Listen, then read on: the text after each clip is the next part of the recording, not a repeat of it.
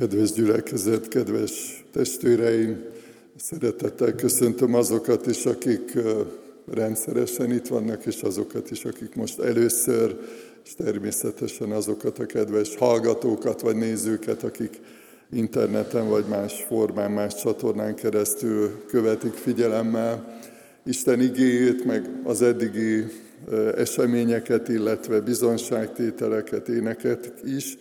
Szeretnék egy bibliai szakaszt felolvasni Lukács evangéliumából, a 11. fejezet 14. versétől. Kérem, hogy ezt fennállva hallgassuk meg.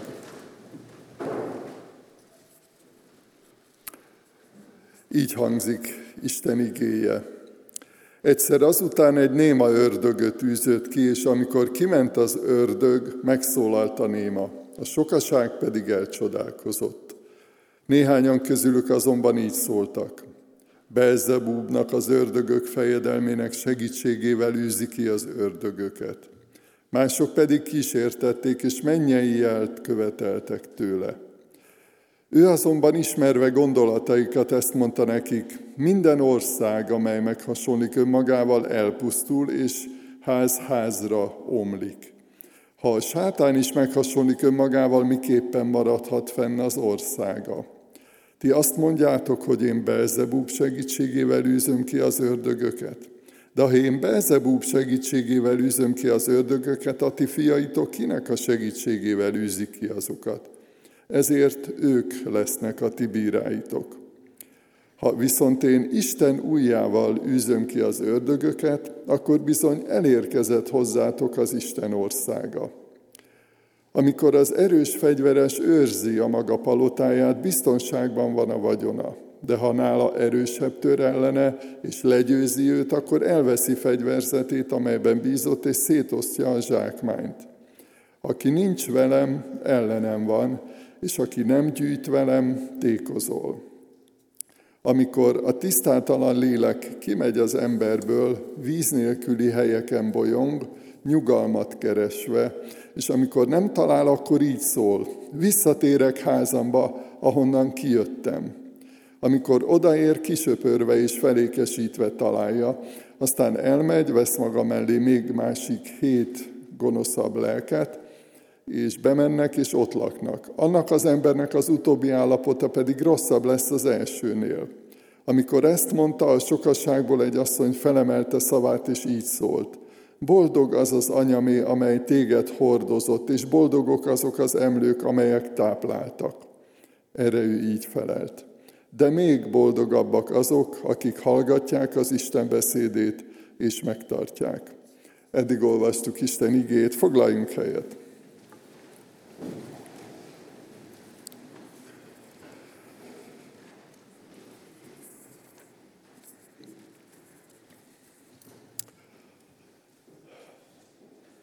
Kedves gyülekezet, ez a címe ennek a ma délelőtti hirdetésnek, üzenetnek, hogy teljesedjetek be Isten lelkével.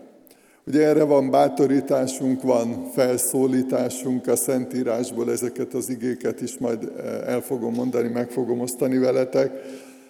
Eh, másrészt pedig látjuk, tanúi vagyunk annak a Szentírásból, hogy, hogy hogyan élték meg a hitüket, az Istennel való közösségüket, a keresztény elődeink, azok, akik az első gyülekezetben vagy a későbbi gyülekezetekben éltek.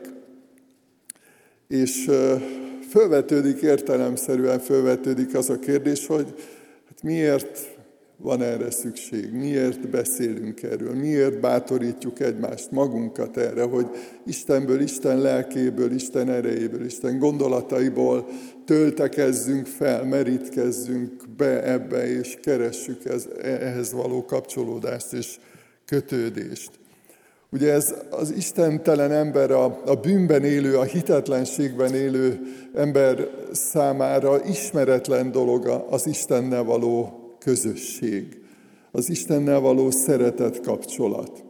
És éppen azért, mert egyébként a teremtés okán, amikor minket Isten megteremtett, életre hívott, megajándékozott az élettel, és azt olvassuk, hogy az élet lehelletét lehelte belénk, akkor ez nem volt kérdés, tehát teljesen természetes volt, ahogy kapcsolódott Istenhez, ahogy beszélgetett Istennel az ember, és ez romlott el a lázadásunk, az engedetlenségünk a bűneink miatt. És nyilván az a kérdés, és erre keressük a választ ebben az igében is, hogy hát hogy lehet visszatalálni, hogy lehet elfogadni, átvenni azokat az értékeket, ajándékokat, amiket Isten ad egyébként, amitől, most így mondom, teljes, normális lesz az életünk. Az első üzenet, amit ebből a kicsit hosszabb részből szeretnék röviden összefoglalni, hogy higgyetek Istenben, higgyetek én bennem, mondja az Úr Jézus. János evangéliumában olvassuk ezt az igét. Enélkül nem érthető, és nem valósul meg az a csoda, hogy egy ember beteljesedik az Isten lelkével. Akkor sem, hogyha esetleg vannak ennek olyan formai próbálkozásai, amit jónak gondolnak az emberek, de Jézus Krisztussal való közösség, a megtérés, az újjászületés, a hozzávaló ragaszkodás és kötődés nélkül nem történhet meg érthető okokból. Egy nagyon megrendítő beszélgetésnek, gondolatcserének vagyunk itt tanulni ebben az igében, ugyanis az történt, hogy megvádolták az Úr Jézust, hogy azt a csodát, amit ő tett, azt sátáni ördögi hatalommal tette. És erre mondta az Úr Jézus azt a tanítást, hogy ha egy ország meghasonlik önmagával, akkor tönkre megy, akkor elpusztítja önmagát, önpusztítóvá válik.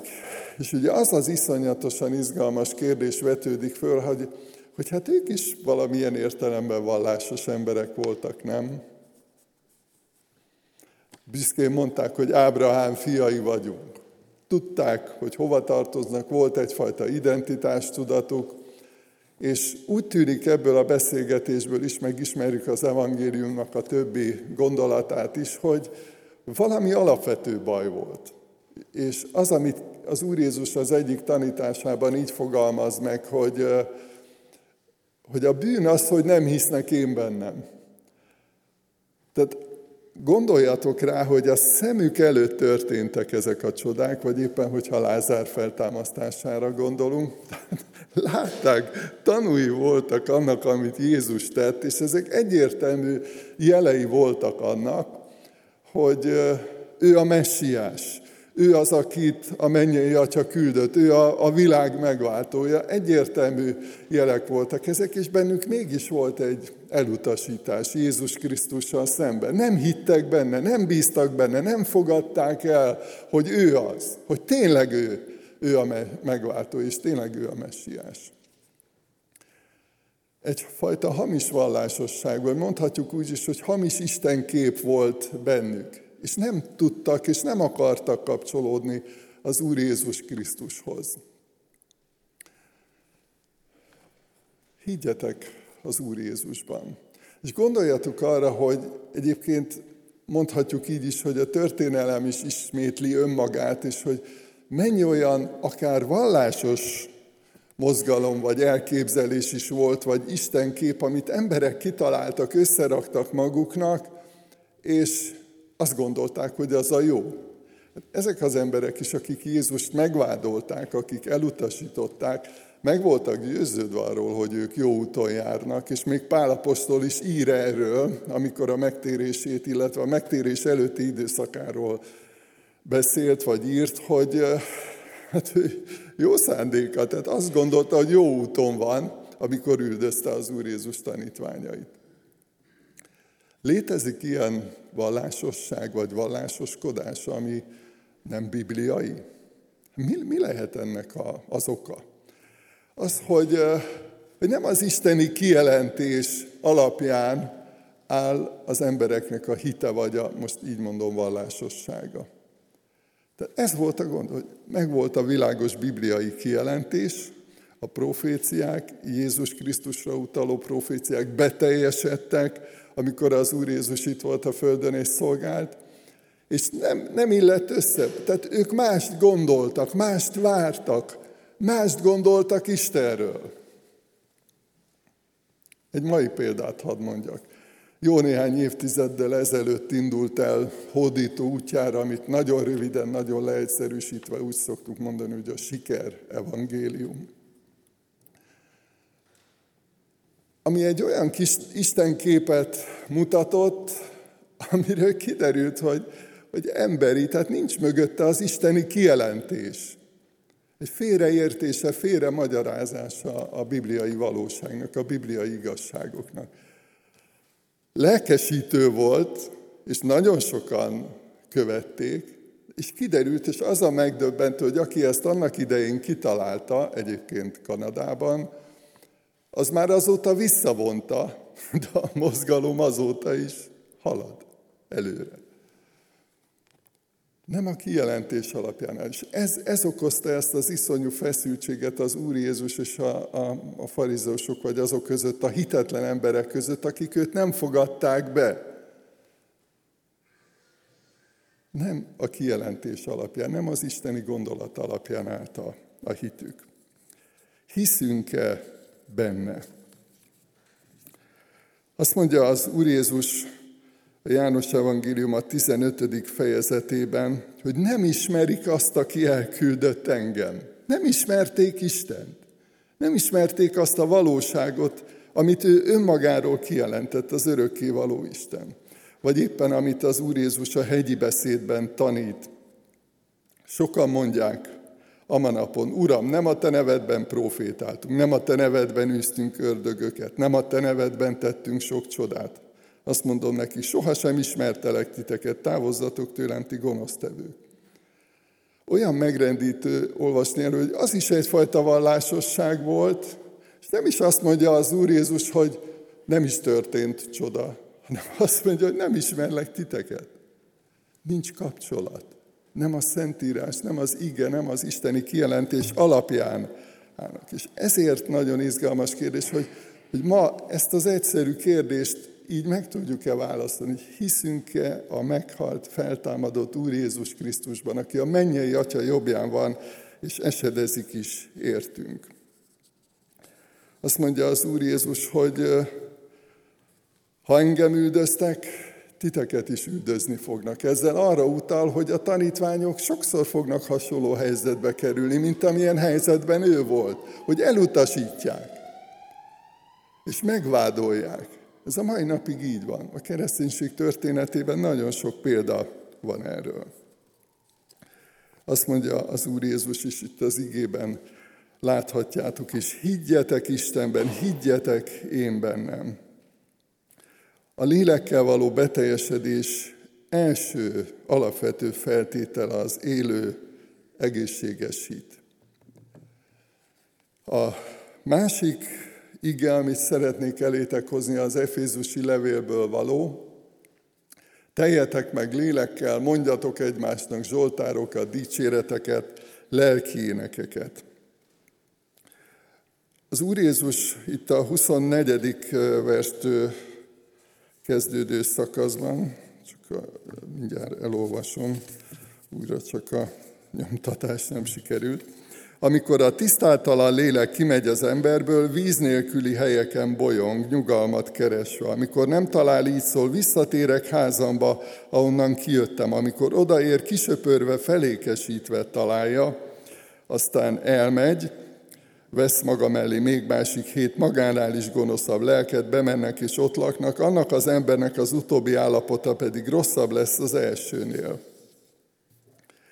Azt mondja ezzel az Úr Jézus, hogy ha megtisztultál, ha megbékültél Istennel, hogyha új életet kezdtél, akkor teljesedj be a Szentlélekkel.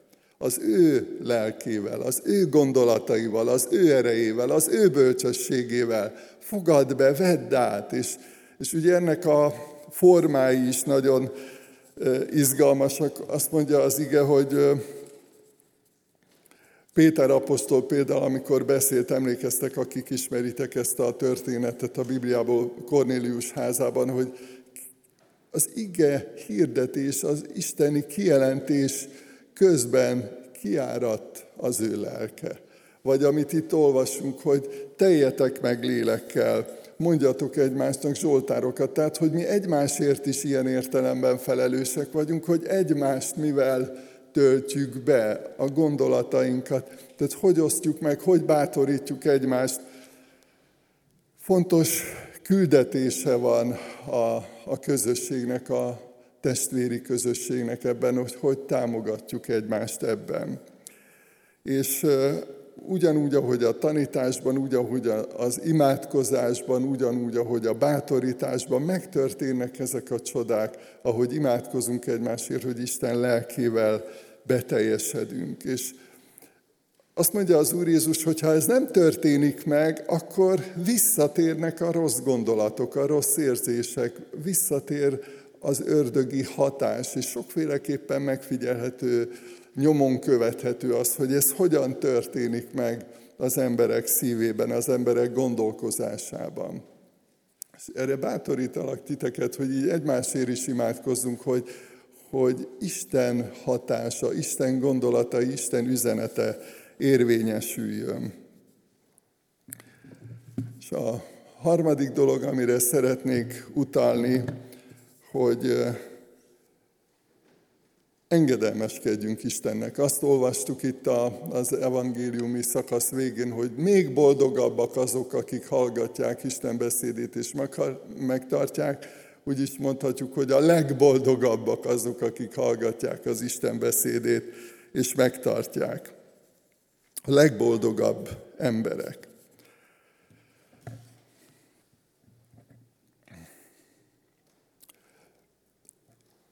Az engedelmesség öröme, az engedelmesség következményei, ajándékai.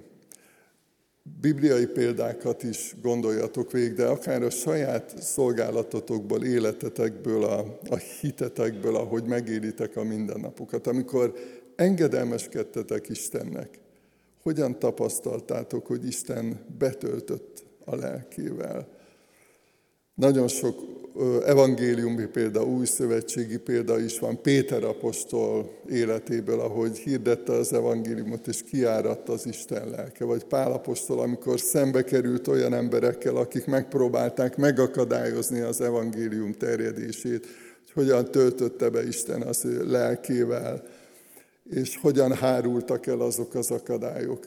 Csodálatos és nagyszerű történések arról, hogy milyen csodák történtek.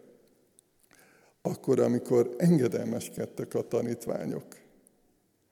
Amikor a hétköznapokban, a mindennapokban, egy családi helyzetben, egy emberi kapcsolatban megtörténik ez a csoda. Szeretnék egy példát elmondani. Gerzsényi Laci bácsiról tudjátok a legtöbben, hogy nagyon sok példát, illusztrációt gyűjtött, és az egyiket szeretném elmondani. Egyszer egy eh, hitetlen ember próbálta zavarba hozni az egyik keresztényt, azzal, hogy hát a Bibliában vannak, vagy úgy gondolja, hogy, hogy vannak ellentmondásos részek, és hát azt kérdezte, hogy hát ez hogy lehet, hogy mi a lélekben legyünk, és a lélek meg bennünk. És ez a, az ember azt válaszolta erre a kérdésre, hogy emiatt ne fájjon a feje, ez olyan, mint ez a vasrúd, egy kohóban dolgoztak. Azt mondja, hogy beteszem a tűzbe a vasat, és a tűz belemegy a vasba. Azt mondja, ez így működik. Amikor kapcsolódunk Istenhez, amikor alávetjük magunkat az örökkévaló isteni kijelentésnek és akaratnak, akkor kölcsönhatásban minket is bejár, átváltoztat, átformál, betölt erővel, bölcsességgel az isteni ajándék. Higgy az Úr Jézus Krisztusban, magasztald Istent, és engedelmeskedj az Úrnak. Hatalmas erő van akkor amikor magasztaljuk Istent. Szeretném, ha most imádkoznánk, és néhány pillanatig csendben közösen imádkozzunk, és utána az úrvacsorai közösség lesz majd.